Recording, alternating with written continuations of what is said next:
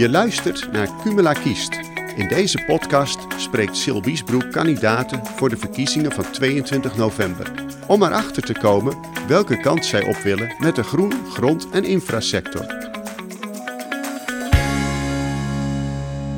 Caroline van der Plas, dank voor de mogelijkheid om vandaag in de Tweede Kamer langs te komen om met jou in gesprek te gaan over het programma van BBB. Je hebt ondertussen één kabinet meegemaakt in het parlement. Heb je veel opgestoken sinds die tijd? Ja, zeker. Dit is één grote leerschool uh, in de Tweede Kamer. Uh, feitelijk heb ik eigenlijk twee kabinetten meegemaakt. Het demissionaire kabinet uh, die er nog ja. was in de verkiezingen... en het nieuwe kabinet na de verkiezingen. Weliswaar met dezelfde partijen, andere staatssecretarissen, andere ministers. Maar ja, nee, ja, nee, zeker. Je leert hier heel veel en bevalt goed. Mooi. Mooi. En uh, ben je daar ook anders tegen de politiek aan gaan kijken? Ja, kijk, toen ik hier kwam, wist ik eigenlijk nog niet heel goed wat je kon verwachten. Ik heb wel eens hier op de publieke tribune gezeten. Ik was natuurlijk landbouwjournalist, heb ik ook wel debatten gevolgd. Maar als je zelf in de arena staat, dan is het natuurlijk, uh, is het natuurlijk heel anders. Um, nou ja, anders tegenaan ben gaan kijken. Um, het is, je moet hier wel gewoon knokken voor je standpunten. En niet alles wat je zegt wordt zomaar voor zoete koek geslikt, gelukkig. Want bedoel, dat is waarom we debatten hebben, dat we elkaar uh, bevragen. Um, ja, en wat ik heb geleerd is. Um, kijk, sinds dat wij in de Tweede Kamer zitten. Uh, als je bijvoorbeeld over het stikstof hebt. Uh, alles wat wij in het begin zeiden, werd een soort van weggehoond. En je ziet nu na 2,5 jaar dat de boel wel een beetje omgedraaid is. En dat heel veel dingen die wij hebben eh, vanaf het begin hebben gezegd, dat die gewoon allemaal uitgekomen zijn. En dat partijen dan toch een beetje aan het draaien zijn gegaan. En zeker richting de verkiezingen. Uh, zie je dat er wat meer bereidheid is bij coalitiepartijen om uh, ja, dat, het beleid toch wat uh, bij te sturen. Dus de wind kan ook een andere kant op gaan waaien. Zeker. En dat moet, je moet gewoon niet opgeven. Dat heb ik hier geleerd. Hè. Je moet uh, niet denken van ja, weet je, nou uh, willen ze niet of ze luisteren niet of ze stemmen tegen een motie. Maar gewoon door blijven gaan. En um, proberen mensen in de sector in dit geval ook duidelijk te maken dat je geen toverstaf hebt. Hè. Dat je niet binnen een dag alles kan veranderen. Maar dat het gewoon in stapjes gaat. Ja, dan zou ik graag wat standpunten uit het verkiezingsprogramma van BBB met je doornemen. Daar staat onder andere in dat de huidige stikstofwet van tafel moet. Wat komt daarvoor in de plaats? Nou, wij zijn bezig om een, uh, nieuw, met een nieuw wetsvoorstel. Um, wat niet zozeer een nieuwe stikstofwet wordt, maar wat een wet wordt wat Nederland van het stikstofslot afhaalt. En dat heeft onder andere te maken met uh, de KDW's eh, uit de wet halen, de kritische depositiewaarde. Uh, veel meer kijken naar daadwerkelijk natuurbeleid in plaats van stikstofbeleid. De Europese Commissie geeft ook aan dat je goed moet zorgen voor de natuur. Um, dat is de opdracht die alle lidstaten hebben. En daar waar de natuur in slechte staat is of achteruit gaat, moet je zorgen dat dat uh, herstelt. En wij in Nederland hebben daar een, uh, ons gefocust op het reduceren van stikstof als het almachtige uh, middel om de natuur te herstellen. Uh, ja, en daarmee heb je een heel land op slot gezet. Je ziet ook dat bijvoorbeeld in de bouw moet je, um, als je natuurvergunning wil hebben, dan moet je dat compenseren, je stikstofuitstoot eigenlijk compenseren. Um, ja, dat, dat heeft gewoon heel veel op slot gezet. Dus, um, en daar moeten we van af. Oké, okay, dus jullie willen van de kritische depositiewaarde af? Bijvoorbeeld. Ander natuurbeleid? Ja. En willen jullie ook van de compensatie uh, voor stikstofuitstoot in de bouw af? Uh, nou ja, kijk, die wet moet ervoor zorgen dat, dat stikstof niet meer de focus is. Oké. Okay. En, en stikstofreductie niet meer de focus is. Hè. Binnen, natuurlijk, dat snappen wij ook, binnen de Europese regelgeving. Maar we hebben um, afgelopen jaar is de ecologische autoriteit uh, geformeerd op verzoek van de Kamer. Um, om ook in natuurgebieden hè, de staat van de natuur uh, te, te, te, toetsen en te kijken uh, wat er eventueel moet gebeuren. En die ecologische autoriteit, de mensen die daarin zitten, um, die geven ook aan bij de landbouwcommissie Stop met de focus op stikstof, want daarmee ga je, uh, daarmee ga je de natuur niet uh, redden. Als je alleen maar op die stikstofdepositie hebt, die, die neerslag van stikstof op natuurgebieden, je moet gewoon veel beter kijken. Je moet gewoon ook echt bodemonderzoek doen. Hè? Wat gebeurt er nou precies in de bodem?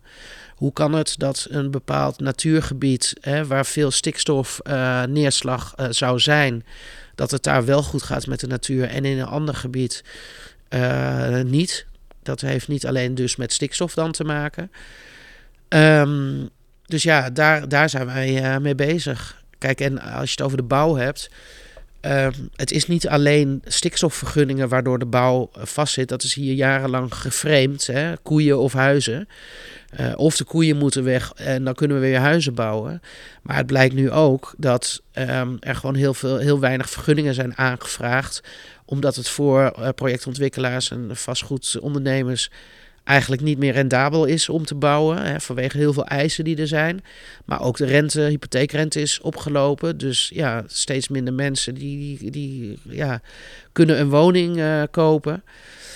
Um, dus er zijn al, voor de bouw zijn er meerdere factoren. Maar kijk, ik vind dat we een land niet lam kunnen leggen, alleen maar gebaseerd op uh, stikstofuitstoot of stikstofneerslag op een natuurgebied.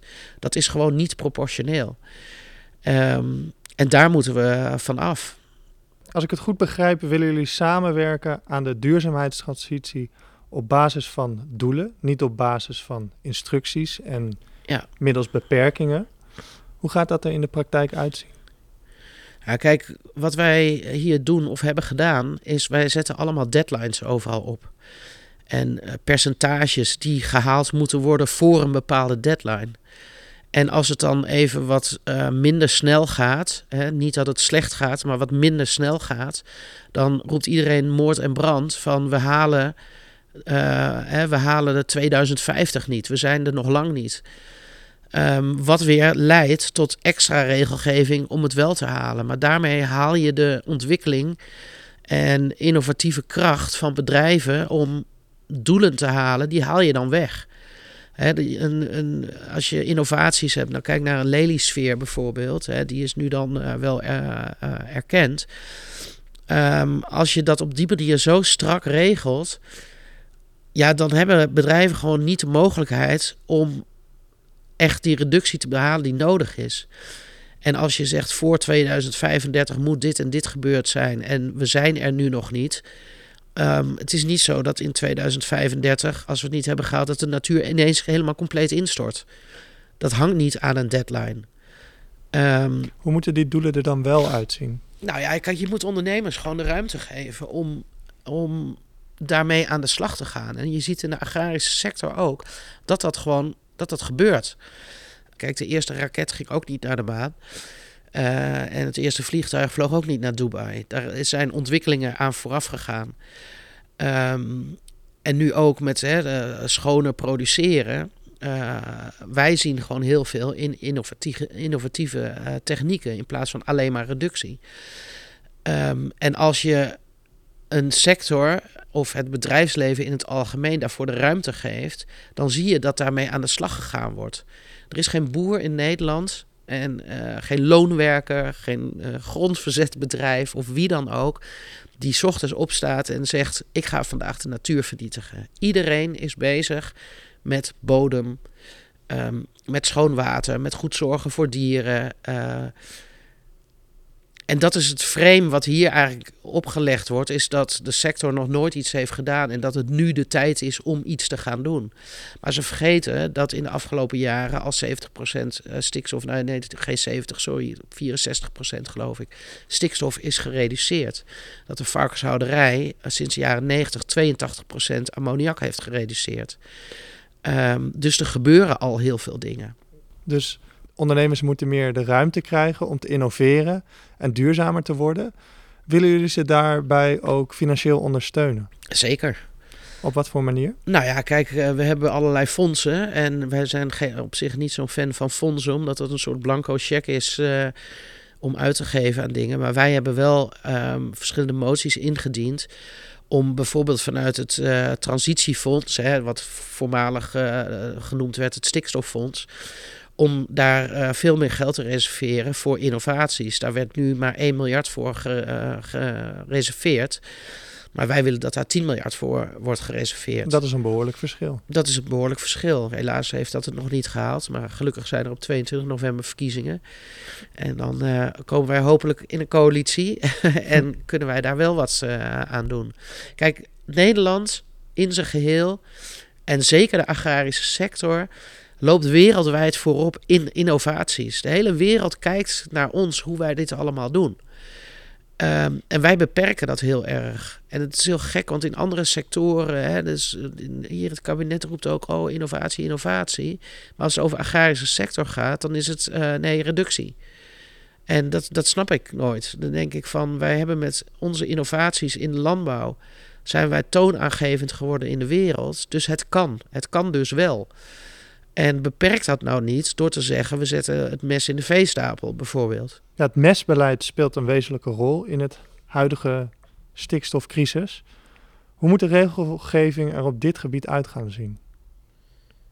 Ja, kijk, wij vinden dat we Europees gezien, je moet gewoon kijken naar landen. Hè? Ehm, kijk, in, in Midden-Spanje uh, is derogatie uh, natuurlijk niet nodig. Maar in landen zoals Denemarken, Nederland, Ierland, uh, Duitsland, hè, die zeg maar um, vruchtbare bodems uh, heeft.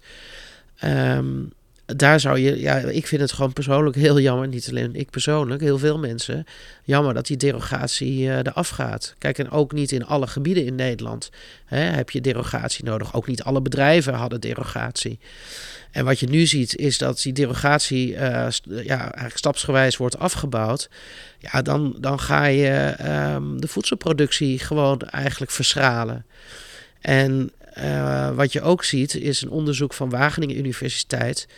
Uh, die toonde aan dat het gebruik van rundedrijf, uh, rundveedrijfmest veel minder uitspoeling van nitraat geeft op het water, hè, op zandgronden. Um, dan het gebruik van kunstmest. En omdat de uh, derogatie eraf gaat, uh, moeten boeren gewoon meer kunstmest gebruiken. Wat niet per se beter is uh, voor de bodem en het water. En dat vind ik dus een heel raar iets. Want wat krijg je straks is dat doordat het kunstmestgebruik uh, dan toe gaat nemen, zal je ook zien dat er meer uitspoeling van nitraat in het water komt. En dan worden daar weer monsters genomen. En er wordt er gezegd van ja, er is, zit veel weer uh, meer nitraat in het water. En wie krijgt dan de schuld over vier jaar? De boer. Maar die wordt daar eigenlijk toe gedwongen door het beleid wat wij, wat wij maken. Ja, en als je het dan, wij roepen altijd gezond verstand. Uh, dat is gezond verstand. En, en wat ik ook heel bijzonder vind, is dat zo'n wetenschappelijk rapport dan door de andere partijen eigenlijk een beetje van tafel wordt geveegd. Terwijl dat ook een wetenschappelijk rapport is. Maar die wetenschap telt dan ineens weer niet. Ja. Dus wat jullie betreft wordt er meer gebruik gemaakt van dierlijke mest in plaats van kunstmest? Nou ja, de, de, de mest die de grond nodig heeft. En uh, kijk, er is al een beperking hè, voor het uh, gebruik van mest uh, op land. En we moeten gewoon kijken per gebied, wat heeft de bodem nodig aan voedingsstoffen? Mest wordt uh, ja, hier door sommige mensen gezien als vies en vuil. Maar mest is, is gewoon een hele waardevolle grondstof. En dat hebben we gewoon nodig om gewassen te laten groeien. Um, dus zo, wij willen dat er zo naar gekeken wordt. Kijk, als je, uh, ik vergelijk het wel eens met als je ziek bent um, en je gaat naar de huisarts, dan wordt er gekeken waar de aandoening zit. En die aandoening die wordt specifiek bestreden met of antibiotica of met medicijnen of met een operatie. Er komt geen algemeen beleid voor jouw gezondheid. Van nou, we gaan alles in jouw lichaam doen en dan hopen we dat we hè, die aandoening ook uh, aanpakken. En, maar dat is precies wel wat wij doen. Hè? Uh, allemaal generieke maatregelen uh, voor specifieke kwesties. Moet er dan volgens jou preciezer beleid komen? Of moeten ondernemers meer vrijheid en vertrouwen krijgen? Ja, en en. Het is niet of of. Oké. Okay. Dus Vertrouwen op het vakmanschap van de boer en de tuinder en de teler. Ja. Um, dat zijn geen cowboys die maar zo wat doen en die maar zo wat in het rond strooien of rondspuiten. Of... Dat zijn mensen die van generatie op generatie bezig zijn met uh, bodem, dieren en omgeving. En, uh, en, en vertrouw daarop. En waar het misgaat, en zeker waar het bewust of willens en wetens misgaat, dat moet je aanpakken. Maar daar hebben we wetten voor. Hè, daar hebben we handhavingsinstanties voor. Maar door dat zo op te leggen aan boeren en, nou ja, kijk, een voorbeeld is bijvoorbeeld ook die, die kalenderlandbouw. Hè? Dus het, het, het oogsten van uh, voor 1 oktober. Ja, dat wordt hier in torens verzonnen. Op een bureau wordt dat verzonnen. Want in een spreadsheet of in een Excel-bestand of in een, op papier lijkt dat een goede maatregel. Maar de boer weet wanneer zijn aardappels uh, oogstrijp zijn. Dan wou ik ook nog even over de bouw praten. Uh, je refereerde er net al ja. naar. de bouw in Nederland zit behoorlijk op slot. Uh, wat moet er volgens jullie gebeuren op dit beleidsterrein? Nou, wat ik net al aangaf, um, blijkt uit cijfers dat de bouw niet zozeer stil ligt vanwege uh, uh, het, stikstof. Hè? Dat er ja. geen vergunningen worden afgegeven vanwege stikstof. Um, het blijkt ook dat um, eigenlijk al voor de uitspraak van de Raad van State in 2019 dat daarvoor al veel minder vergunningen, of eigenlijk weinig vergunningen werden aangevraagd. Dus we moeten daar gewoon eigenlijk een soort van scheiding in maken om te kijken hoe komt het nou, hoe, en dat geldt voor alles, hoe komt het nou werkelijk dat die bouw stil ligt? Um, in dit geval heeft dat dus kennelijk te maken met de stijgende rente, uh, en dat het voor ondernemers ook niet meer uh, rendabel is om, uh, om, om woningen te bouwen. Kijk, een vastgoedondernemer of een projectontwikkelaar, die wil ook een inkomen verdienen. Hoe kan je dat dan weer lucratief maken? Nou ja, dat, het heeft onder andere natuurlijk te maken met vraag en aanbod van huizen en een stijgende hypotheekrente. Daar, daar kan je vrij, op dit moment vrij weinig aan doen. Dat is nu eenmaal de situatie. Um, maar je kunt er ook aan werken dat het um, nou ja, met zo'n nieuwe wet bijvoorbeeld, hè, stel waar het gaat om stikstof, dat die bouw uh, wel kan bouwen. Hè, zo, of niet zonder vergunning natuurlijk, uh, met een natuurvergunning. Um, maar door die focus op die stikstof uh, los te laten en te kijken wat er in een natuurgebied werkelijk aan de hand is. Hè, waar de natuur hersteld moet worden. Waar, waar komt dat door? Doe dan bodemonderzoek. Ga goed meten. En neem specifieke maatregelen daar om die natuur te herstellen. Eh, kijk, alles haakt in elkaar. Het heeft uh, tekort aan woningen uh, heeft ook weer te maken met uh, het immigratievraagstuk. we hebben de afgelopen jaren heel veel immigratie gehad. Um, niet alleen van asielzoekers, maar ook arbeidsmigratie, internationale studenten. Die moeten ook allemaal ergens wonen. Um, dus we moeten ook kijken van hoe kunnen we dat uh, oplossen, zodat die doorstroom naar woningen, dat dat weer op gang komt. Ja. In asielzoekerscentra zitten 17.000 mensen ongeveer die een verblijfsvergunning hebben. Hè, dat zijn de statushouders, die hebben allemaal recht op een woning. Um, hè, waar ik ook niet tegen ben. Als je vergunning hebt, dan heb je vergunning. Iedereen in Nederland die hier mag blijven, heeft recht op een woning. Maar omdat er een woningtekort is, stokt uh, uh, de doorstroom zeg maar, vanuit asielzoekerscentra, die stokt ook.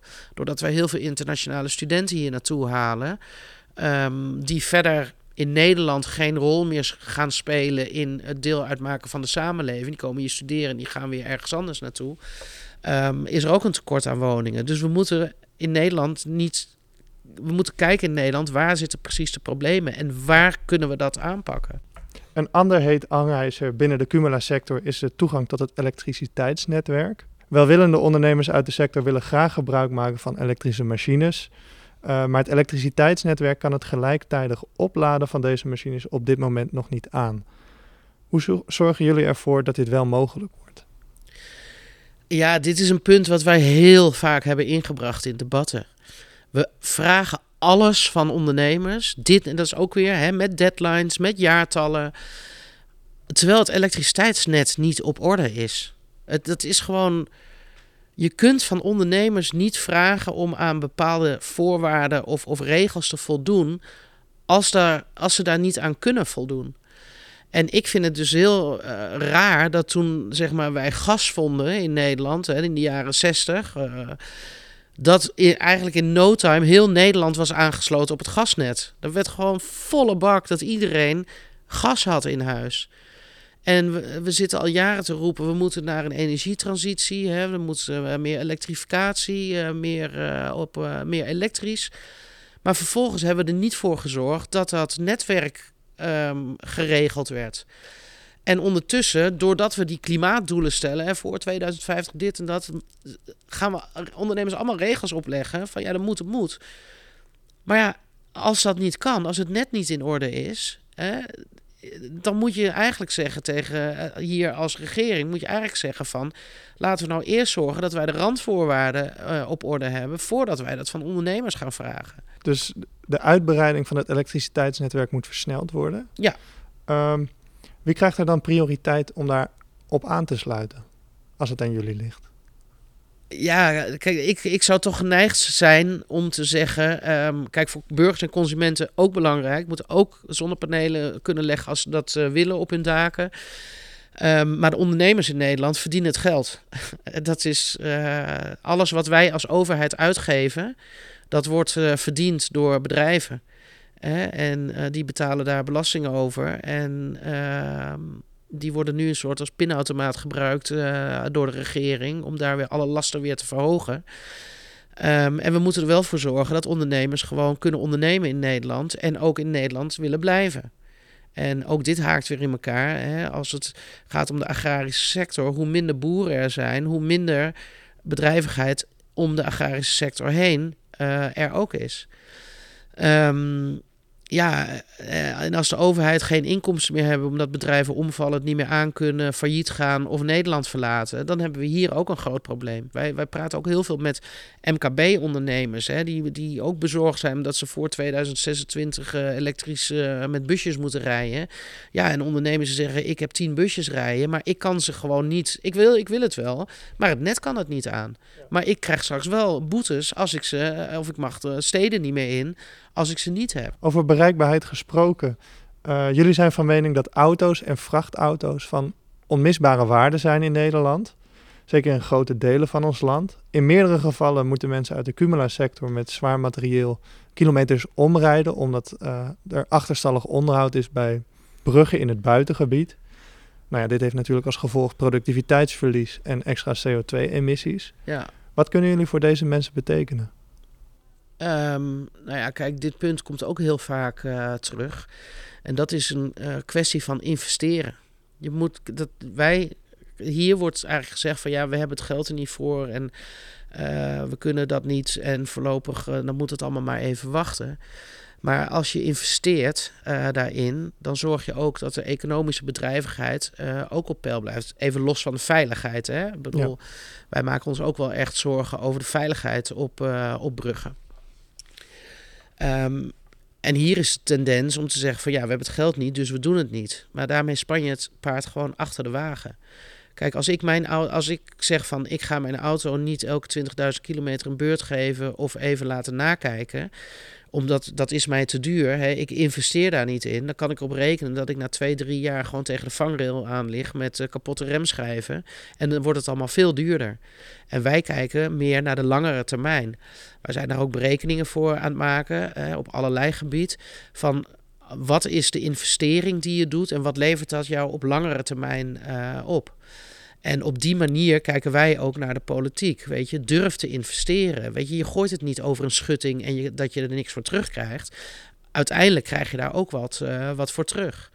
En dat is eigenlijk hoe wij naar het hele uh, ondernemend Nederland uh, kijken. Maar ook bijvoorbeeld in de zorg kijken we daarnaar.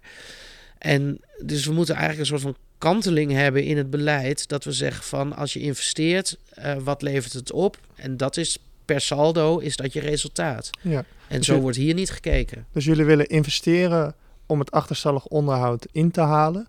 Maar er is heel veel sprake van achterstallig onderhoud in Nederland.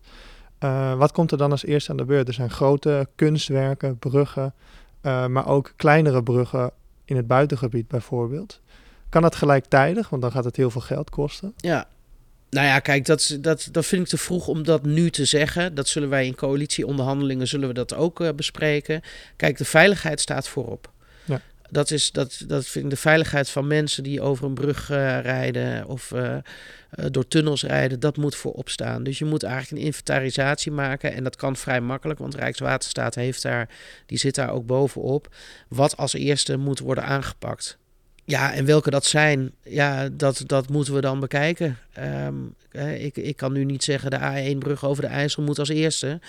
Hoewel ik dat altijd heel eng vind om even overheen te rijden, want er zit een knik in. Ja, die is, uh, ze zeggen dat die veilig is, maar ik vind het dan toch Voelt altijd... toch gek. Ja, ik denk dat heel veel mensen dat hebben. Ja. Um, maar goed, je moet wel eerst kijken. Ik denk dat je wel eerst moet kijken naar, uh, naar veiligheid. Dat, uh, daar, dat gaat voor. Uh, dan een ander thema dat speelt onder leden van Cumula: veiligheid. Jullie pleiten voor een harde aanpak van de georganiseerde misdaad. Hierbij wordt vooral gedoeld op de aanpak van drugscriminaliteit. Hebben jullie ook oog voor de GPS-diefstal die veel plaatsvindt? Ja, zeker. Hebben jullie daar ook ideeën over hoe je dat kan aanpakken? Nou ja, kijk, het, in eerste instantie um, is het natuurlijk aan een ondernemer zelf om zijn spullen zo goed mogelijk te beveiligen. Uh, daar hebben jullie ook campagnes uh, voor, dat heb ik ook, dat heb ik ook gezien. Het tweede punt is dat wij gewoon veel meer politie moeten hebben. Veel meer toezicht moeten hebben. Dat is allemaal afgeschaald in de afgelopen jaren. Daar hebben wij ook een voorstel voor gedaan uh, vorig jaar bij het ministerie van Justitie, wat ook een aangenomen voorstel is om uh, de politie op, op sterkte te krijgen. Maar gaat het dan vooral om meer blauw op straat of ook over rechercheurs en uh, bijvoorbeeld een taskforce? Zeker, zeker. Kijk, zeker ook blauw op straat, maar het feit dat er politieauto's rondrijden in het buitengebied is voor iemand die diefstallen wil plegen, is het al een signaal dat hij in de gaten gehouden wordt. In heel veel gebieden in Nederland, in het buitengebied, is er gewoon geen politie. En dat weten criminelen natuurlijk. Die weten heel goed hoe ze daar, uh, uh, in welke gebieden het uh, makkelijk is om iets te stelen en in welke gebieden niet. Dus ook de zichtbaarheid van politie is gewoon heel erg belangrijk. het feit de pakkans moet vergroot worden. Maar niet alleen de pakkans moet vergroot worden, ook de strafmaat moet in orde zijn. Kijk, je kunt opgepakt worden, maar als jij niet wordt berecht, of er zijn wachtlijsten bij de rechtbank en die zijn er, of je krijgt eigenlijk nauwelijks straf, um, dan heeft het ook weinig zin. Weet je, die mensen die die, die, die GPS-apparatuur uh, stelen, wat veel geld waard is, die lachen, die lachen daarom. Um, dus ook dat haakt weer in elkaar. Hè. Het is niet alleen meer de zichtbaarheid en de handhaving en de opsporing, maar het is ook uh, welke straffen geef je. Er lijkt in de Tweede Kamer overeenstemming over de gedachte dat meer werken beter moet lonen. Hoe willen jullie een situatie creëren waarin meer werken beter loont? Wij kijken um, bijvoorbeeld naar het, um, de extra uren die gewerkt worden. Um, wij willen ook, het staat ook in ons verkiezingsprogramma, um, dat bijvoorbeeld iemand die acht of tien uur overwerkt, dat die eerste tien uur bijvoorbeeld uh, niet belast wordt. Ja. Dus dat dat gewoon ook echt uh, netto meer loon betekent. Uh, wij kijken ook naar um, een systeem in te voeren. Maar dat staat nog wat in de kinderschoenen. Want daar hebben we echt hulp bij nodig om dat op een goede manier een voorstel voor te maken om te kijken of je niet tot een bepaald uh, inkomen um, ook belasting en premie vrij kan zijn. Zodat je bijvoorbeeld ook van de toeslagen af kan. Want je ziet heel vaak mensen zeggen, ja, ik kan wel twee uur gaan werken extra, of vier uur of acht uur. Maar dan kom ik net boven de grens en dan ben ik mijn huurtoeslag kwijt. Of dan, dus dat is ook een beetje een pervers systeem. Dat mensen zeggen van ja, ik ga niet meer zoveel werken, want uh, netto ga ik daar uh, niet, uh, niet op vooruit. Ja, dus van dat systeem moeten we af volgens jullie. Ja. Ja, dan uh, ontstond er in de afgelopen begrotingsbehandeling ook de neiging om wensen rond bestaanszekerheid bij het bedrijfsleven te leggen. Ja. Moet dat ook bij MKB-bedrijven landen of zijn jullie daar überhaupt geen voorstander van? Nee, want wij vinden dat MKB-bedrijven al veel te veel uh, worden belast en met veel te veel regels worden opgezadeld. Um, dat is gewoon niet goed. Um, die MKB'ers klagen daar steen en been over.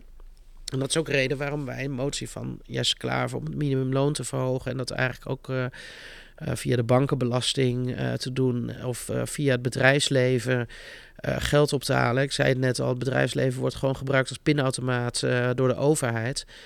Um, ja, dat vinden wij geen goede zaak. wij hebben MKB-bedrijven gewoon nodig. We hebben de maakindustrie nodig. Wij moeten in Nederland gewoon ervoor zorgen dat wij onze eigen spullen kunnen maken. Dat wij niet afhankelijk zijn van het buitenland. En dan uh, nog even over jullie verkiezingsprogramma. Jullie hebben besloten om dat niet te laten doorrekenen door het CPB. Waarom hebben jullie dit besluit gemaakt? Omdat het uh, eh, CPB niet aangeeft wat investeringen of uitgaven, uh, het is maar net hoe je het bekijkt, zij noemen het uitgaven, wij noemen het investeringen, um, wat dat op langere termijn oplevert. En wij laten ons verkiezingsprogramma wel doorrekenen, alleen niet door het CPB. Door wie dan? Wij hebben financieel specialisten uh, daarvoor ingehuurd. Die ons verkiezingsprogramma doorrekenen en dan daarbij ook uitrekenen wat dat op langere termijn gaat opleveren. En, ik noem bijvoorbeeld een, een voorbeeld, dat is dan even niet in deze sector, maar dat gaat dan over tandartszorg, mondzorg. Dat kost 500 miljoen hè, als je dat terugbrengt in het basispakket voor uh, ook boven de 18. Maar dat levert op langere termijn 3 miljard euro op, omdat je heel veel zorgkosten daarmee gaat voorkomen. KNO-artsen, keel, neus en oorartsen, krijgen heel veel patiënten uh, met aandoeningen die zijn begonnen bij slechte mondzorg. Die zorgkosten die zijn veel hoger. En op die manier moet je er naar kijken. En wat dat betreft, ik denk net als in het bedrijfsleven, uh, kijken wij ernaar. Je doet een investering om die op langere termijn terug te verdienen bedrijven zeggen ook niet van ja, ik ga geen miljoen investeren hierin, want het kost me een miljoen. Nee, die gaan uitrekenen wat gaat mij dat op de langere termijn opleveren. En zo moeten we ook kijken naar de uitgaven of de investeringen, zo je wilt, uh, die we als overheid doen. Mm Oké. En tijdens dit gesprek hoorde ik je een paar keer refereren naar coalitieonderhandelingen. Jullie hebben de intentie om te gaan regeren. Zeker, ja. Uh, hebben jullie dan ook nog een voorkeur met welke partijen jullie dat willen doen? Nou, kijk, wij, onze voorkeur is een centrumrechtse coalitie. Op basis van gezond verstand en uh, minder wensdenken. Tot slot, Nederland lijkt soms een land van tegenstellingen geworden. Klimaat tegenover economie, politici tegenover ondernemers en arm tegenover rijk. Hoe gaat de BBB hiermee om? Ja, wij zijn helemaal niet van de polarisatie. Weet je, uh, wij zeggen altijd het is uh, en en en niet of of. En we moeten ervoor zorgen dat we uit die loopgraven komen en gewoon met elkaar in gesprek gaan en elkaar horen. En um, niet alleen maar zenden naar elkaar wat je vindt, maar ook horen wat de andere kant is. En dat is helaas hier niet uh, altijd het geval. Je bent of voor of tegen. Hè. Je bent, uh, als je in de immigratiediscussie iets uh, kritisch zegt over immigratie, ben je meteen een racist. Um, ik ben heel erg bang dat door dit soort polarisatie dat zeg maar de, de, de genuanceerde middengroep gewoon niks meer gaat zeggen. En dat dan de flanken overblijven. En dat die de discussie gaan domineren. Dus, um, dus wij, zijn ook, wij blijven ook altijd in gesprek met iedereen. Caroline van der Plas, hartelijk dank voor dit interview. en succes met de campagne. Is goed. Stem BBB.